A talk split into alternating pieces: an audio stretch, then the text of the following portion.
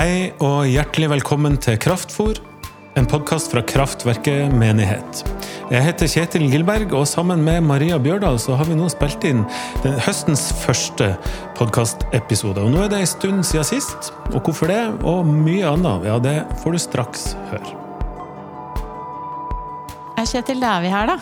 Der er vi rett og slett tilbake med Kraftfor, og du er tilbake på huset huset Ja. En god og lang eh, mammapermisjon, håper jeg. Vet du, jeg skal Helt ærlig, jeg syns ikke den var så lang. Nei. Men uh, den har vært god. Det var kjempestas og kjempekrevende og eh, fint og slitsomt om hverandre. Ja. Ja, Føltes litt langt herifra. ja men det er det er hyggelig. si, ja. Det er lov. Ja. Det føltes langt å være borte også. ja. Ja, absolutt. Det På den sida så føltes det langt. Ja. Men det er fint å ha det tilbake. Da, det betyr bl.a. at vi skal få lage litt podkast framover. Mm, det må vi gjøre. Det må vi gjøre. Og det er jo en stund siden sist. Ja, hvorfor er det det, egentlig? Du kunne jo lagd Kraftfôr, du. Jeg, jeg sa vel flere ganger at det, det syns jeg du skal gjøre. Ja, du sa det. Og det kunne jeg faktisk ha gjort. Det var jo litt tenkt å få inn en vikar eller et eller annet sånt, men så var feelingen der da at det, det her gjør vi sammen.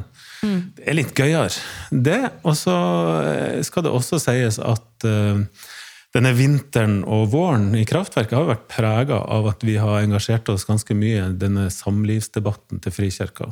Så, når vi, så overskuddet har på en måte gått dit, da.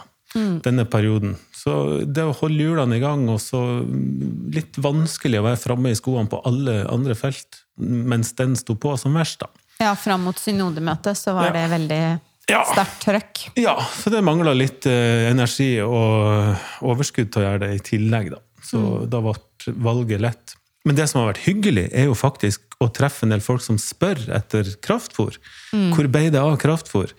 Vi har hørt på gamle episoder, for å, ja, det er kjempehyggelig. Så nå håper vi da denne høsten at vi skal få laga noen fine episoder, og møte noen spennende folk i kraftverket. Det gjør vi. Ja. Hva skal vi snakke om i dag, da? Kan vi ikke snakke om hva det vil si å leve et godt liv? Jo, det er jo, det er jo en sånn tråd vi har gående egentlig ganske jevnt og trutt. Sånn, Hva, hva er det gode livet? Ikke sant? Og jeg tenker jo litt av grunnen til at det trigger akkurat det temaet da, nå, det er jo at vi søker, alle søker å leve et godt liv. Og, så i, og jeg gjør, det ofte med å reise og spise og drikke og kjøpe ting, eller være eh, på nettet, og, eller på Facebook, for eksempel. Og få tida til å gå der med alt det gøye som skjer. Neida, men sånn, vi søker liksom utover, da, er poenget mitt. For Ja. å le, leve det gode livet. Og så er det noe med et spørsmål i hvert fall jeg har stilt, og som jeg vet du òg har gjort, om det å begrense litt kan føre til et godt liv. At vi ikke hele tida må utvide og utvide og utvide. Og at det gode livet ikke nødvendigvis er et annet sted, men at det er der vi er. Ikke sant? Ja. Og så en ting også som jeg tror eh, kan være interessant å snakke om når man snakker om hva det gode livet er, er, er det gode liv det som hva skal vi si, Mener jeg med det det som føles godt for meg? Eller mener jeg en sånn moralsk eh, beskrivelse av hvordan ser et godt liv ut? Ikke sant? For det er to, eh, det, begge deler har sin verdi å snakke om, da, tenker Ja. jeg. Men utgangspunktet tenker jeg, det der med å begrense litt av det vi tar for gitt ofte, da. Det vet jeg at du har vært opptatt av, og lest ei bok med ei dame som heter Patricia Lockwood, Ja. ikke sant? ja. Som handler, hvis jeg har forstått det rett, om det å rett og slett ta et steg langt vekk fra omtrent hele den digitale verden, hele nettlivet vi lever på nettet, som jo ofte oppleves som en flukt. Ja, For mange, noen, for mange, for mange er det det. Ja, og det kjenner jeg meg sjøl veldig igjen i. Ja. Altså, hver gang jeg setter meg på do, så scroller jeg Facebook. Altså. Det er ikke fordi jeg må, men det er jo fordi at det, det bare skjer automatisk. Men hva, Fortell om den boka, da, Maria. Hva, hva, hva slags type bok er det? Det som er eh, spesielt med den boka, er at det er en eh, roman skrevet på engelsk. Patricia Lockwood hun er eh, amerikansk eh, forfatter. Skrevet mye poesi og, og sånn før. Og dette her er hennes første roman. og den er enkelt beskrevet som et liv levd i to halvdeler. A life lived in two halves, da. Den er skrevet på engelsk. Første, og sånn er boka òg. Første halvdelen av boka, der følger du eh, hovedpersonen sin eh, strøm på det som kalles portalen. Og det, det tror jeg er et begrep for summen av hennes internett, sosiale medier-erfaring. på en måte. Det, jeg tror Twitter blant annet er veldig eh, stort, men det, jeg, jeg veit ikke. Og så kommer det til en ganske brå, men litt sånn varslet eh, slutt. Denne strømmen. Og så plutselig er vi veldig nær, for det skjer en stor um, krise i hennes nærmeste familie. Søsteren hennes er gravid og er ganske langt på vei. Og så blir hun diagnostisert, eller fosteret, barnet i magen, blir diagnostisert med en sykdom som er så sjelden og skremmende at den kan eh, ødelegge moras liv i forbindelse med fødsel. Eh, og man skjønner at dette er et barn som ikke kommer til å leve lenge. Og da følger vi um, dette barnet, the ja. baby, Ja. og familien rundt.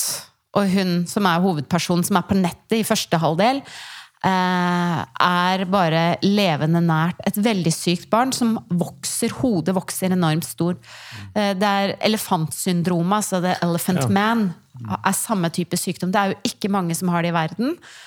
Og når denne diagnosen på denne babyen settes, så er det første gangen det gjøres før et menneske er født. Da. Ja. Men hva gjør det med henne, da? Betyr det at hun går litt vekk fra den digitale verden og over til menneskelig kontakt som fokus?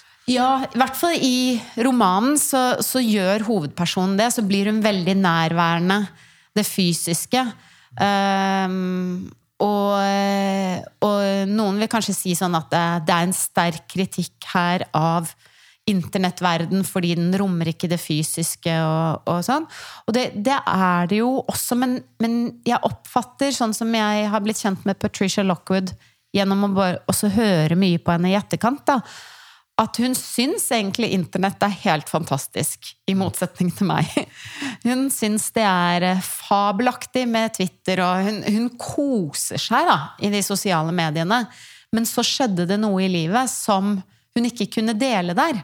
Fordi hun, jo, hun var så stolt av dette vakre eh, mennesket, babyen. Hadde lyst til å poste bilder, men det kunne hun ikke, for det var ikke hennes barn. og sånn, Så det ble sånn brudd med noe som ikke egnet seg. da.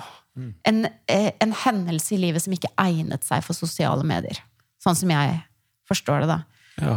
Og denne, altså, første halvdel er helt uleselig. Jeg, for, jeg forsto eh, 29% i begynnelsen, og så leste jeg en gang til, og så skjønte jeg 48% kanskje.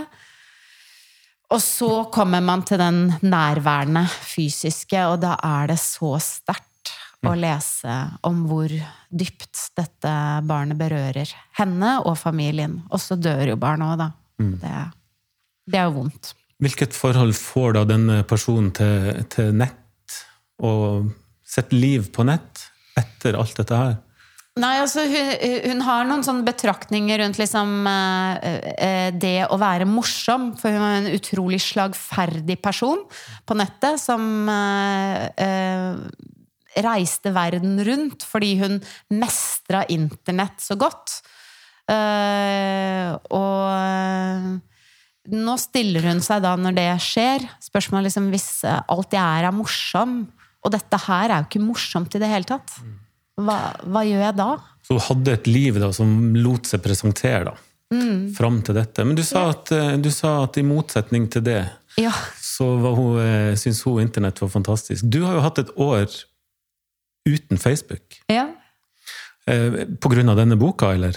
Nei, av en annen bok som vi snakka om for ett år siden. Husker du vi hadde sånn eh, høstepisode? Da hadde jeg lest eh, 'Ekko' av Lena Lindgren. Og da tenkte jeg at det var veldig mye på grunn av den boka, da. At jeg hoppa av nettet.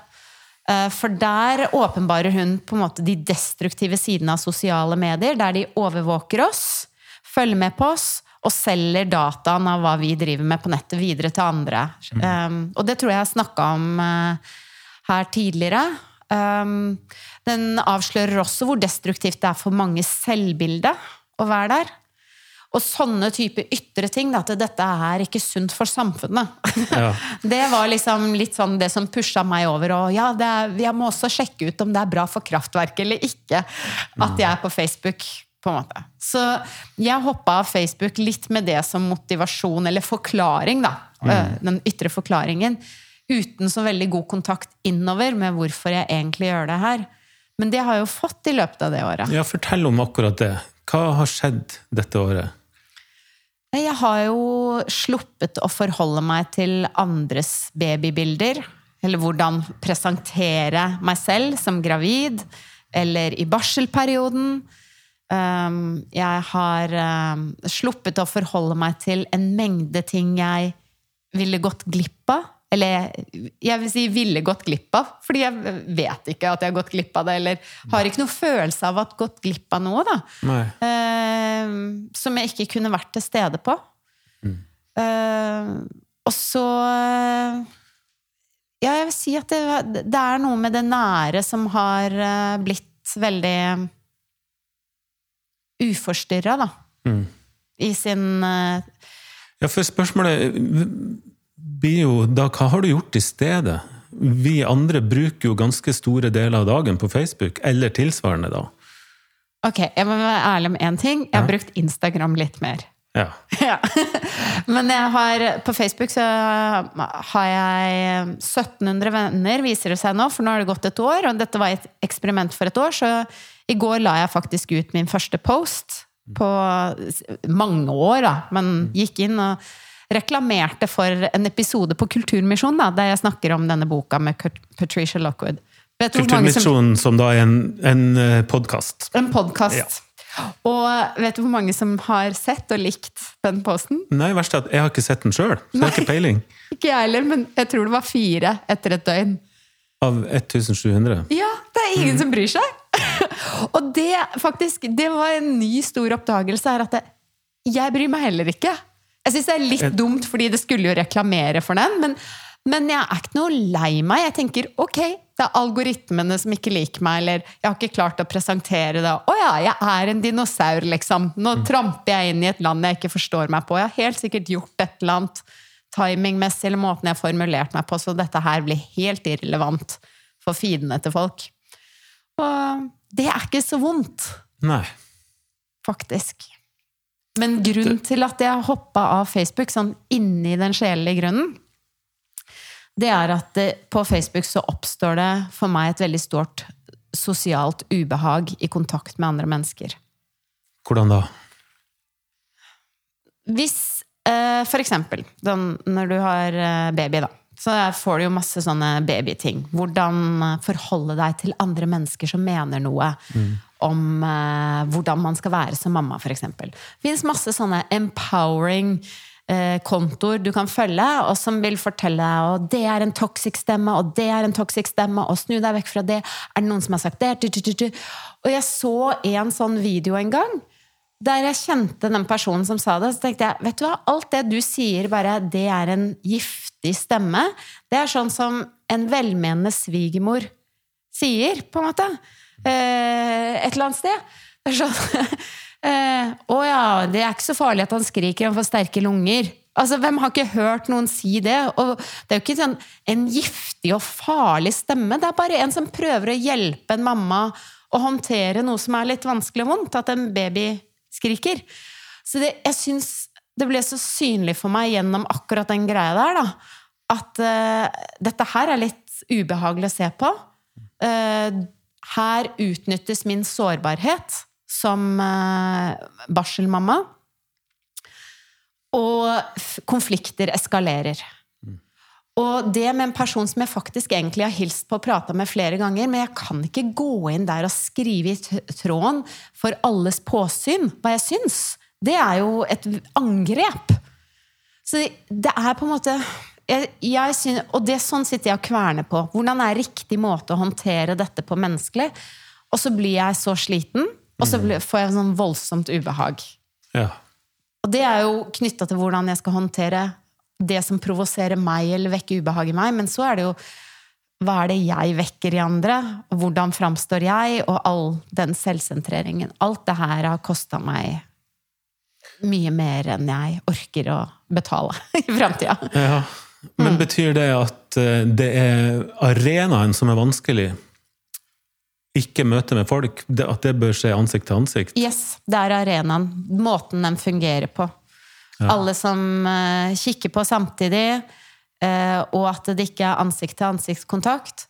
Og nå som jeg kan mer om hvordan disse mediene fungerer, så ser jeg også at de, de er konfliktdrivende fordi de vil få opp sånne sterke følelser. Og jeg klarer ikke å legge ut en sånn der catchy nok post da, til at eh, det får masse kliks og sånn. Og det, da passer jeg kanskje ikke så godt der, da. Nei, men hvem som passer der? Og det er jo litt sånn hun romanfiguren òg, da, som oppdager at livet mitt Ja, egentlig Hva er det vi presenterer? Hva, det er så mye i livet mitt som ikke kan ut dit. Og som en ikke vil eksponere heller. Det er jo en, eh, en ting. Eh, Men, Ja, det òg. men, men eh, Kraftverket ja. Vi har jo vår viktigste informasjonskanal, f.eks. Mm. På Facebook. vi har det. Kraftverket sosial. Det syns jeg er vanskelig nå. Ja, syns du det? Ja, jeg syns det. Ja, hva gjør vi med det?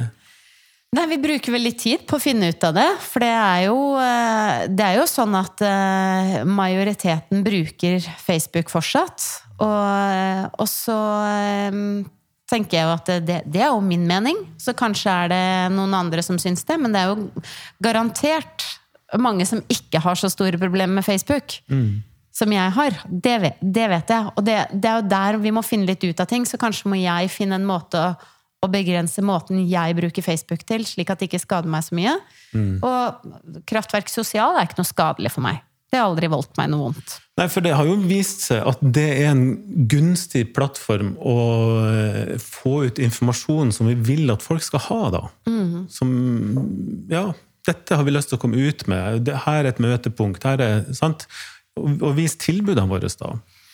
Eh, men eh, Og det var derfor jeg syns det å lese den boka, selv om det var veldig vanskelig å forstå den og lese den, når jeg etter hvert skjønte hvor mye glede hun hadde av den kontakten og dialogen hun fikk med mennesker på The Portal, da, som det heter i boka, så måtte jeg liksom vri blikket mitt litt. Jeg kan ikke lage en sånn generell dom om sosiale medier for hele menneskeheten.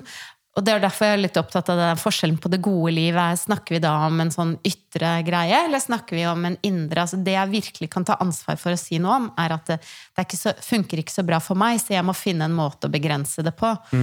Men det, det er jo spennende, da. For der har du begrensa noen ting. Alle søk, ikke alle, men de aller fleste søker ut i Facebook-verden, da, eller den slags. Eh, ikke nødvendigvis i håp om å finne det gode liv der, men det er jo en del av det. Vi flykter dit, vi får bekreftelse der. vi får... Det, ja, det er mye greier der, da. Og det, det har du begrensa det ifra da, i et år. Har det, har det Hvis du skulle summere opp alt i alt, har det vært bra for det? Har det vært bra for livskvaliteten din? Ja, ja. Jeg vil absolutt, altså Hvis man har det som meg og kjenner at det, det lugger veldig, så vil jeg absolutt anbefale å gjøre det. Eh, og, og teste ut en eller annen type begrensning som er, eh, som er radikal, da. Så man forholder seg mindre til det. Og jeg tenker at nå som jeg er tilbake, så lurer jeg på om det jeg skal gjøre, er at jeg ikke skal bruke Facebook på telefonen min, men at jeg må gå på datamaskinen eller på Mac-en og åpne det. Fordi da blir det radikalt mindre, og da vil det bli mer sånn eh, jobbrelatert, da. Så jeg må finne en eller annen måte å forholde meg til det framover som er sunnere for meg. Og så tror jeg fortsatt at den der kampen om hvordan sosiale medier og de store tech-gigantene funker i samfunnet og verden, den må kjempes. Men for meg var det litt viktig å bli ærlig på at det, det er ikke det ytre greiene i verden som er egentlig grunnen. Sannheten er at det er vanskelig for meg, da. Så det, det er i hvert fall noe jeg har jobba med knytta til det gode liv. i sommer og i det siste. Men jeg er litt sånn nysgjerrig på deg. Du, du fortalte meg da vi møttes på kontoret at du har lest eh, en bok i sommer som var veldig spennende. Ja, jeg har det, og, og, det er mulig folk tror at jeg leser masse, men det gjør jeg jo ikke i det hele tatt. Og så kom jeg over denne boka her, som jeg bare klaska gjennom på to ettermiddager, for det var så Så fort? Det, ja, Den er ikke veldig lang heller, da. Men det er altså Tore Renberg som har skrevet 'Tollak til Ingeborg'. Den tittelen forstår jeg ikke. Den Nei, Tollak er et mannenavn. Ingeborg et damenavn.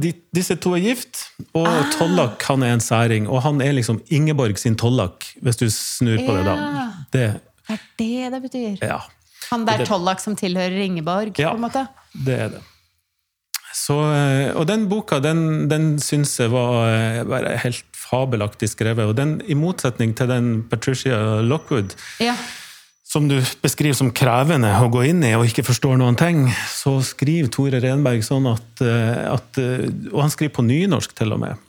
Som jo ikke er mitt nærmeste språk, men, men sidene de bare flyr av gårde. Altså. Og da mm. tenker jeg, For meg er det et veldig godt tegn på at ting er godt skrevet.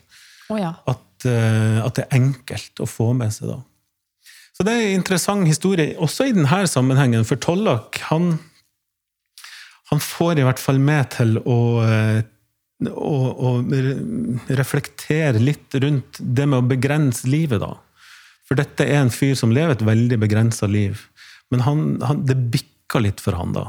Mm. Fordi han er altså en utrolig sur, sint, øh, grinebiter stapheis, altså. Virkelig skikkelig. Og han er sint på alt. Han er sint på urbanisering, det kan han ikke fordra. Han er kjempesint på digitalisering, at, at han må få seg en app for et eller annet. Han er sint på media. Han knuser TV-en sin underveis her. Han, eh, han er sint på caffè eh, latte og kafébesøk. Han er sint på dattera som tar utdannelse. Han er sint på smalltalk. Han er sint på at uh, familier ikke holder sammen nå til dags. Skjønner, han lever Jeg er Tollek, en mann i Fortiden. fortida, eller noe sånt. Nostalgisk ja. hissig? Nostalgisk hissig, på sett og vis. Ja. Uh, og, og kompromissløs. Helt, helt kompromissløs på disse tingene. Han gir seg ikke. Og han klarer ikke å tilpasse uh, at ting utvikler seg. Så han vil at samfunnet skal bli værende der det alltid har vært, og der han på sett og vis funker. da. Og så, og så er det en ganske, som sagt, en ganske lettlest bok på den måten at den er så godt skrevet, men det er jo krevende tematikk ja. på mange måter. Fordi han, han, er, han er, det er et mørkt det er en mørk person. Er, du, og du må forholde deg til dette mørke universet hans. Mm. Som er så sint og sur og destruktiv på mange måter. Får du vondt av han, eller hva, ja, når du går inn i det? Så er, så er greia at han er jo kompleks. Mm. Han er så glad i Ingeborg. Ja. Han er så glad i kona si. Og så har de tatt til seg en, en eh, litt tilbakestående gutt, da. Som har bodd hos de, Otto. Som ikke kan si til, så han heter bare Oddo. Og han, for disse to kan han jo gjøre hva som helst. Mm. Så har de to, to, andre barn som han har et helt dysfunksjonelt forhold til. Og det der historia, eh, det der historia spinner rundt, da. Fordi at her har, eh, har eh, Tollak fått dødsdommen. Han har fått kreftsykdommen som gjør at han, er, han har bare veldig kort tid igjen. Oi. Og så har han sendt bud på de to barna sine som er voksne, ja. som han har et meget dårlig forhold til, eller de har i hvert fall et veldig dårlig forhold til han. Og så skal han fortelle de sannheten om at Ingeborg er borte. For hun har vært borte i mange mange år, og det er han som sitter på denne sannheten. Og det skal han fortelle, gi de videre. Og nå skal ikke jeg røpe hva det er for noe, men det er ganske, det er ikke lystelig. La oss nå bare si det. Ai, ai, ai. Så det er heftig. Og da også er det en ytre historie at han sitter og venter på de en kveld for å fortelle dette her. Og så ser han han har en indre monolog hvor han ser tilbake på alt som har skjedd. Og sånn og sånn. Og det er mørkt, og det er krevende, men samtidig så får du litt Jeg får i hvert fall eh, litt eh, sympati med han, fordi han, han, gjentar gang på gang ja, det, det ser mørkt ut, det ser stygt ut, men det er en kjærlighetens mann. Han jeg skulle spørre deg om hva er det som gjør denne boka så spennende, men det, det, det, høres ut som en spenningsroman, nesten. Ja, er det det? Ja, på sett og vis er det jo det. Ja. På sett og vis er det det, og jeg kan ikke kategorisere eh, Nei, romaner og sånn, men, men det er veldig fint gjort, da, syns Ja. jeg. Og også, og det er tett. Språket er kjempetett. Det er ikke et ord til overs her. Det er skrella ned. Eh, Men jeg får litt sympati med han, da, fordi at han, han sier at han er en kjærlighetens mann. Hvorfor er han så hissig på disse folkene som ødelegger naturen? Jo, det er jo fordi at han er så glad i naturen. Sant? Så Han får oss til å se fokuset på det. Men han, hele poenget er at han vil hoppe av. Han vil ikke være med på utvikling. Han vil ikke være med på den moderne verden. Han vil begrense livet. For der er i hvert fall et liv, Jeg vet ikke om det er så godt liv for han, men det der er livet som han fungerer i, i hvert fall. Så den boka anbefales eh, aldeles, og, og den gjorde eh, den, den satte i gang masse tanker hos meg, da, og var bare veldig artig å lese. Er det sånn når du leser en sånn bok, ender du opp med å snakke med de rundt deg om det, og sånn eh, Den, Ja. ja, den har prega livet ditt egentlig litt? Ja, den har jo, den har jo det, og den, den har jo på en måte ikke forandra ting, men den forsterker jo å og avkreft eller bekreft tanker som jeg hadde på forhånd. Ja, hva er Eller- det den eller har forsterka. forsterka, da? Eller hva er det den har fremheva som du har jobba med med for sjøl? eksempel det, det, dette med å, å, å, eh, å begrense, da. En ting er er klimaspørs... Klimakrisa, som jo er en, en ting jeg er opptatt av. Men la meg nå si det først, da. Jeg er ikke noen asket. Nei. På ingen måte en asket. Jeg, jeg har et eh, forbruk som alle andre, og jeg har, selv om det er noen år siden siste fløy, så kommer jeg nok til å fly mm. når det er nødvendig. og sånt, så det er ikke, Jeg vil ikke moralisere, og sånn som Tollak er. Han, er. han er bister på alle som ikke gjør akkurat det han ville ha gjort. Og, og han klarer å leve som han, snak, som han eh, snakker, og det klarer ikke jeg. Men jeg kjente meg igjen i Tollak når, når, eh, når SAS-pilotene hadde streik her nå. Jeg tenkte yes, dette er topp. Og det er ikke fordi at jeg heier så på SAS-pilotene. Det bryr jeg meg ikke om de hadde rett, eller om ledelsen hadde feil, eller motsatt. Men jeg tenkte, hvis dere streiker lenge nok nå, så går SAS konkurs. Og det er bra for miljøet. Det er helt nydelig. Det ville Tollak tenkt. Og jeg tenkte den tanken. Det ville vært bra for verden hvis alle flyselskap i hele verden gikk konk. Og det kan jeg si på et, eh, på et intellektuelt plan, eller på et, et overordna mm. moralsk plan, men uten å klare å leve etter det, da. Men, men, eh, men klimating og forbruket vårt og reisinga vår og alt dette her er, er ganske ja, hva jeg skal si da, vi, har, vi, vi er ganske prega av å ta for gitt at vi skal ha et stort forbruk. At vi kan reise akkurat når vi vil, og hvor vi vil. Og, og vi kjøper masse mat som vi kaster, eh, for eksempel. Og nå, nå lever vi i ei tid, eller i noen dager, der strømprisen er enorm. Og det er jo ikke noe annet på nyhetene. Hva, hva med disse politikerne som ikke klarer å få gjort noe med det? Sant? Vi liker ikke dem. Bensinprisene er høye, eh, matprisene er høye, alt er dyrt. Og så blir det rabalder, da. Mens jeg sitter og tenker på at dette er jo egentlig en fantastisk bra. Som Tollak ville ha tenkt. For, og hvorfor er det bra? Jo, det er fordi at, det får, at strømprisen er så dyr. Det får meg jo til å må vurdere forbruket, strømforbruket mitt. Det har fått meg til å slå av varmekabelen som ellers har stått på hver sommer.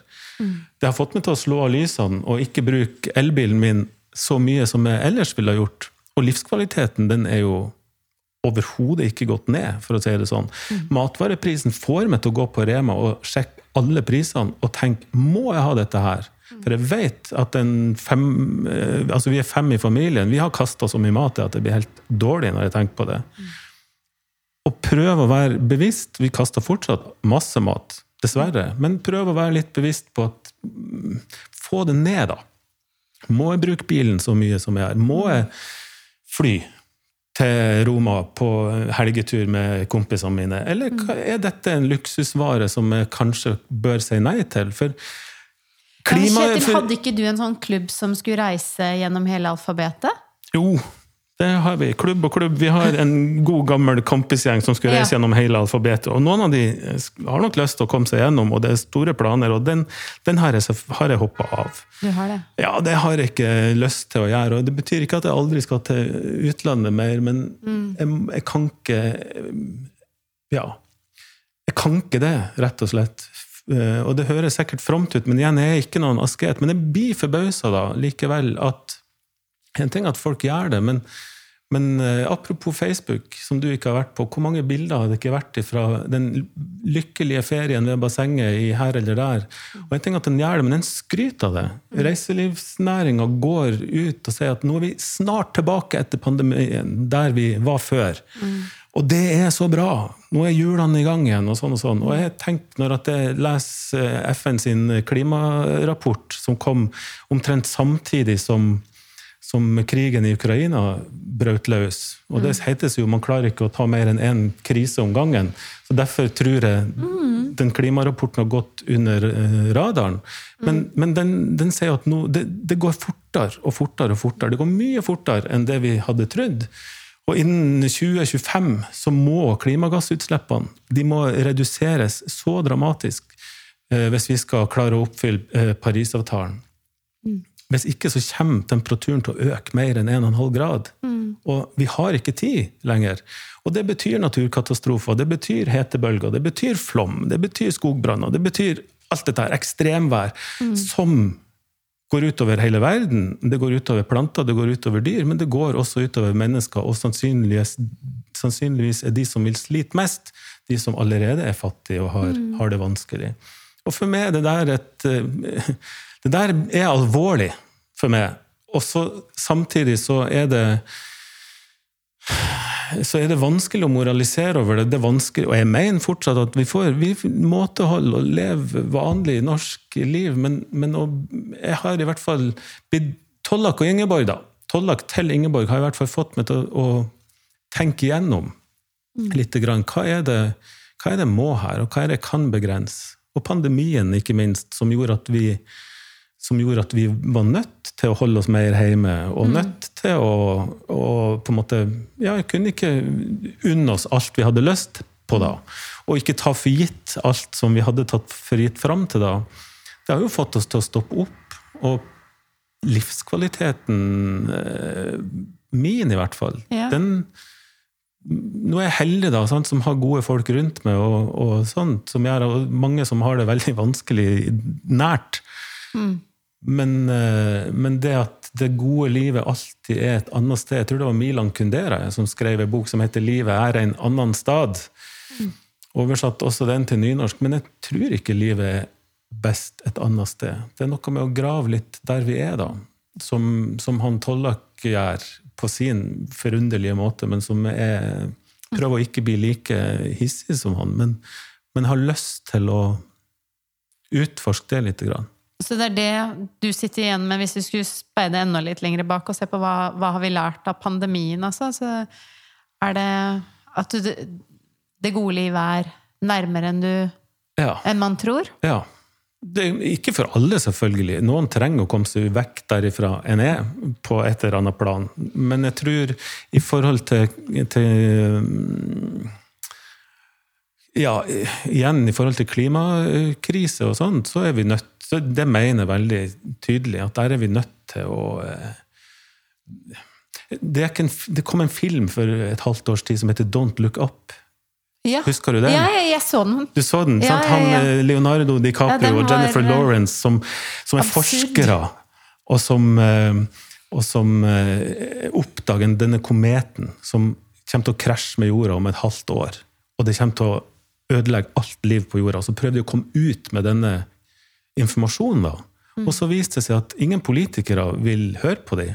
For de er opptatt av de mer nære ting som gjør at de kan vinne neste valg. Og media vil ikke snakke om med dem, for det blir bare for tungt. Sånn at de drukner. altså de, de kommer ikke ut med denne historien. Og når det halve året er gått, og de ser kometen, hele verden ser kometen komme, og de skjønner at nå smeller så er rådet de får, men ikke se opp. Så går det her bra. Bare ikke se på den. Ikke, sånn full fortrengelse, da. Og den er jo laga for å vise litt hvordan vi reagerer på ulike kriser, på, på klimakrisa spesielt, sikkert, men, men konspirasjonsteorier og mye sånn. Det er en utrolig artig film Ja, som, ja. som har et dypt, dypt alvor i bånden. Men jeg, jeg tenker at jeg kjenner meg så igjen der. Ikke i de som prøver å rope varsku, men i de som holder for ørene og lukker øynene og holder for nesa og tenker bare slipper å forholde meg til dette her nå, så, så blir dagen bra. Sant? Og, og det, det er veldig menneskelige mekanismer. Og som sagt, jeg er ikke noen asket. Altså. Det er en av mine dårligste egenskaper, det å si nei til ting jeg har lyst til, på og lyst til. Uh, men det å begrense det, da, i en, og utforske det litt, da. Hva, hva i alle disse begrensningene er det som kan ikke bare gjøre at det store bildet, at verden blir et bedre sted og et levelig sted, og sånt, men også nært. Hva er det som, som gjør at Kjetil Gilberg har det godt? Ja, fordi det, du, det merka jeg meg, det du sa med at du er dårlig på å begrense deg på ting du har lyst til. Så det, her må jo, men vi jakter på det gode livet, så det er jo noe med å finne ut hva Hvordan kan vi finne det som gir oss lyst og glede, da? I det nære, uten å eh, herpe jorda. Ja, rett og slett. Og, og eh, gjøre verden mer brutal for de som er mest sårbare. Eh, flykte inn i det virtuelle verden når vi burde være nærværende i den fysiske. Hva, hva tenker du at eh, vi som kirke da, har av eh, ressurser og, og, og budskap for å følge det gode livet? Det, altså det skal bli lystorientert, da. Ja. Fordi jeg, jeg tror ikke at vi kommer så veldig langt med en sånn supermoralsk Nei. overlegenhet og pekefinger. Nei, og jeg håper når jeg prater meg varm på dette her nå, at det ikke hørtes ut som en supermoralsk og pekefingeropplegg. Og, og, for det er jo det, min, det jeg har minst lyst til i kraftverket, å vifte med pekefingeren og si at nå må det skjerpings. Sant? Vi har da mer enn nok med å, Ja. å håndtere våre egne liv og prøve å få de på plass. Men den, jeg mener likevel at det er en, eh, et par bibelske prinsipper i dette her som vi som kirke kan peke på, som handler om det ans et ansvarsfulle eh, som ligger i å forvalte jorda, som ja. Gud har skapt, og som, som vi, vi skal forvalte på en så god måte som mulig. Og det er klart, det ligger det et alvor i. Men så tenker jeg òg på hvem som er taperne her. Eh, Det er de som allerede er fattige. Og fysisk sett fattige da, i form av eh, mindre velstand og rikdom enn det vi har.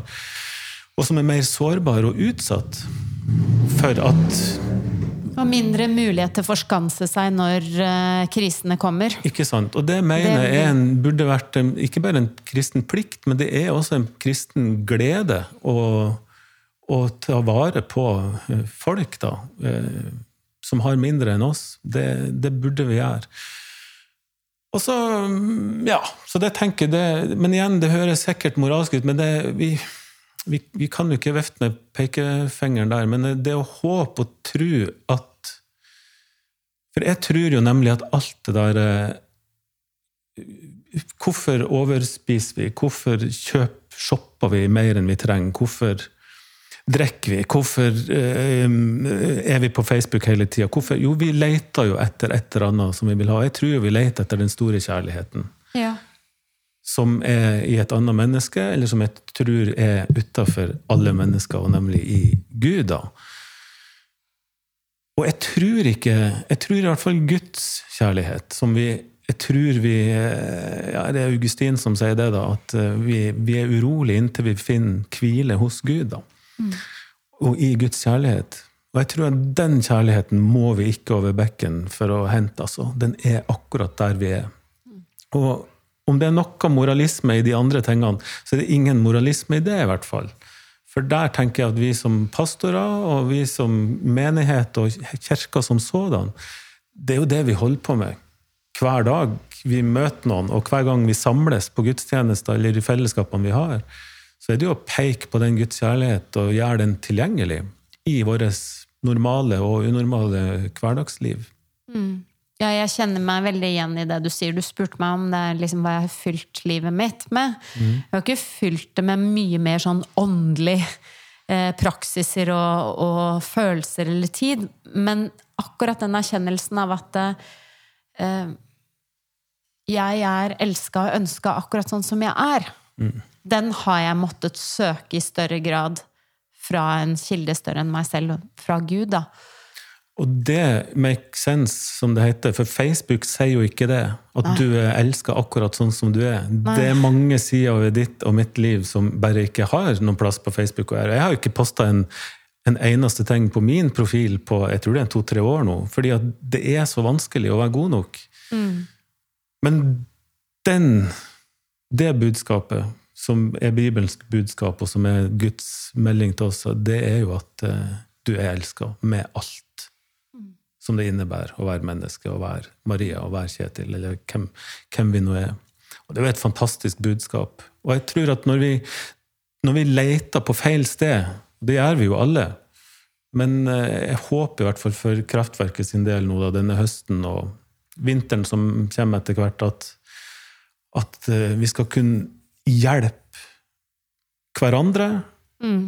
jeg og du, men alle i menigheten hjelpe hverandre til å lete på rett sted. At det vi innerst inne trenger, det vi lengter etter, det vi virkelig må ha, det har vi.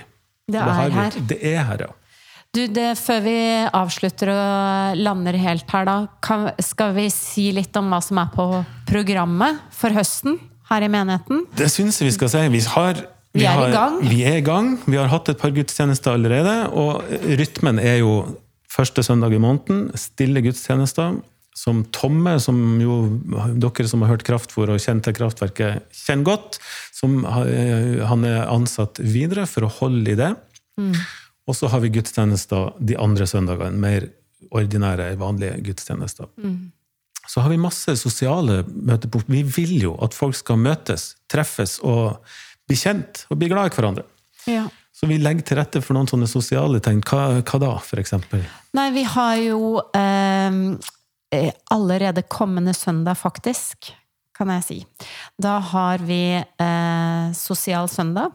Fordi første søndag i måneden så er det stille messe, så da tenkte vi, eller stille gudstjeneste. Så da tenkte vi at vi skulle ha en sånn sosial søndag som har vært kjempesuksess denne våren. Eh, det har vært mye barnefamilier, men det her er åpent for alle. Og da er det klokka to kommende søndag i Middelalderparken i eh, gamlebyen. Ja. Der møtes vi og eh, tar med egen mat til middag. Og så blir det vafler og is på fellesen. Og så er det mulig å ta sånn avstikkere til to forskjellige aktiviteter. Det ene er Tomme som vil ta med folk opp til et sånt utsiktspunkt der maleriet 'Skrik' er malt fra. Som, oh, rett han, det er hans, jeg bor. Ja, det er like ved der du bor. Han, er altså så, han, han, sier det er hans favorittsted i Oslo, så han vil gjerne ta med folk opp dit. Og så får man det utsiktspunktet, og så kanskje har du et skrik i deg som må ut, så, så er det stedet å gå. Og så er det mulig å ta med seg skateboard eller sparkesykkel og gå bort til skateparken rett også ved gamlebyen der. Så det er kommende søndag klokka to, sosialt, og så gudstjeneste klokka fem. Og så er det jo kveldsmat på eh, programmet, er det ikke det, Kjetil? Jo da, det skal det være. Har, jeg har ikke datoene, de er ikke satt, men en i slutten av september, tenker jeg, og så ja. en i begynnelsen av november. Hvor noen i kraftverket åpner heimen sin og inviterer inn alle som har lyst til å komme og spise kveldsmat. Det er så fin måte å bli kjent med nye på, og finne Veldig. seg til rette i denne menigheten. Mm. Leir! Vil du si noe om det? Ja, vi drar altså til Sandefjord mm. på leir i første helga i februar, så det er jo ei stund til. Ja. Men vi har lyst til at folk skal bli så varme i trøya av alle de nye studentene som har kommet her, da, at de tør å bli med. For det, når vi er sammen og bor i lag, spiser i lag og har opplegg i lag i et par dager, så eh, da blir vi rett og slett spleisa på en fantastisk fin måte. Og det blir for unger og for studenter og for voksne. Og så quiz. Quiz. Vi skal jo ha quiz. Det er 15. Eh, september, eller noe sånt. Mm. så har jeg kanskje feil dato, men sjekk ut. Det står på, det står på Kraftverket sosial, skulle jeg si. Ja, det står på, på Facebook. Facebook. Nei, det står på kraftverket.no. Der er programmet for hele høsten. er lagt inn der også. Ja. Men på den quizkvelden så har vi kjelleren i kirka her. Da har vi quiz, og vi kjøper inn masse pizza og sånt, og vil at folk skal møtes og, og treffes. Og så driver vi jo kirke, da. Det gjør vi. Sånn at eh, det er ikke bare sosialt. Men vi har, eh, vi har et par andre arrangement. Ja. Vi har f.eks. et arrangement i måneden sammen med Fagerborg menighet som heter Ild og svovel. Hva er det for noe? Det er samtalekvelder som Ingrid Ribe Nyhøs, eh, som er prest i Fagerborg, leder. Og den første samtalen, det er søndag 18. september. Og da skal hun samtale med de to filosofene som har lagd eh, podkasten Ole Martin og Einar leser Bibelen. Og den eh, podkasten har jeg hørt ganske mye på, faktisk. Den er white noise eh, for meg og Adam når vi ikke får sove. Um, men den er veldig, det er veldig veldig spennende å høre på de to når de leser Bibelen. De leser den med veldig sånn åpent sinn, eh, som litteratur, og ikke som troende eller sånn tilbedende lesning. Da. Så mm. det blir spennende å høre Ingrid prate med de. Ja. Det blir som sagt en gang i måneden. Og vi er med å arrangere dette, og med etter hvert å forme innhold og gjennomføring på det. Og så har vi et samarbeid med en annen vi er veldig stolte av å få lov til å jobbe sammen med, nemlig organisasjonen Areopagos. Ja, det er stas. Det er stas. Og de skal kommer hit til kirka vår eh, for å ha et kurs om sentrerende bønn en lørdag i oktober. 23. oktober, tror jeg det er. Um, og igjen, nå har jeg ikke datoen nedskrevet her, så det kan hende det er helt kaos med de datoene. Men, men gå nå inn og sjekk. Ja. Ja. Ja. Så det er flott. Og så skal jeg og du, Maria, ha et prekenseminar. Hva i all verden har, har du tenkt med det? Ja, det stemmer det. Jeg, jeg har eh, tenkt eh, at det må du og jeg gjøre sammen en gang. Forkynnelsen det er jo en veldig stor del av vårt arbeidsliv. Vi bruker begge mye tid på det. Eh, Og det er en viktig del av menighetslivet. Eh, Men hvordan jobber vi to med forkynnelsen? Og hvordan jobber forkynnelsen med oss? Det har vi tenkt å fortelle litt om, eh, hver av oss. da. Og så, aller mest, så vil vi jo samtale med alle som er interessert i å snakke om forkynnelsen. Som har meninger, som har spørsmål, som kanskje har lyst til å forkynne selv. Um, kom på det seminaret. Det blir onsdag 16. november, så det er kjempelenge til. Ja. Uh, men uh, der blir det påmelding og greier. Ja. Så det, det blir fint. Bevisstgjøring rundt forkynnelse, så håper vi jo å få luka ut, eller ikke luka ut, det var helt feil ord, men å få bli, bli oppmerksom på mm. noen som kan bli gode forkynnere i kraftverket. Ja, Det er egentlig det vi vil, Ja. faktisk. Vi har lyst til å rekruttere flere forkynnere. Rett og slett. Bra. Det får vi holde, Maria. Det er masse som skjer. Ja. Eh, og det blir veldig, veldig fint å være sammen med gamle og nye folk i kraftverket, også denne høsten. Jeg gleder meg. Ha det bra. Kraftfor er en podkast for Kraftverket menighet, ledet av Maria Bjørdal og Kjetil Gilberg. Kraftverket har gudstjenester hver søndag på Bislett i Oslo klokka fem. Og ønsker du å støtte Kraftverket økonomisk, så kan du vippse til 10393. Og ønsker du å støtte Kraftverket på en eh, mer fast basis, så kan du gå inn på gitilkraftverket.no. Abonner på Kraftfor, og tips gjerne andre om podkasten.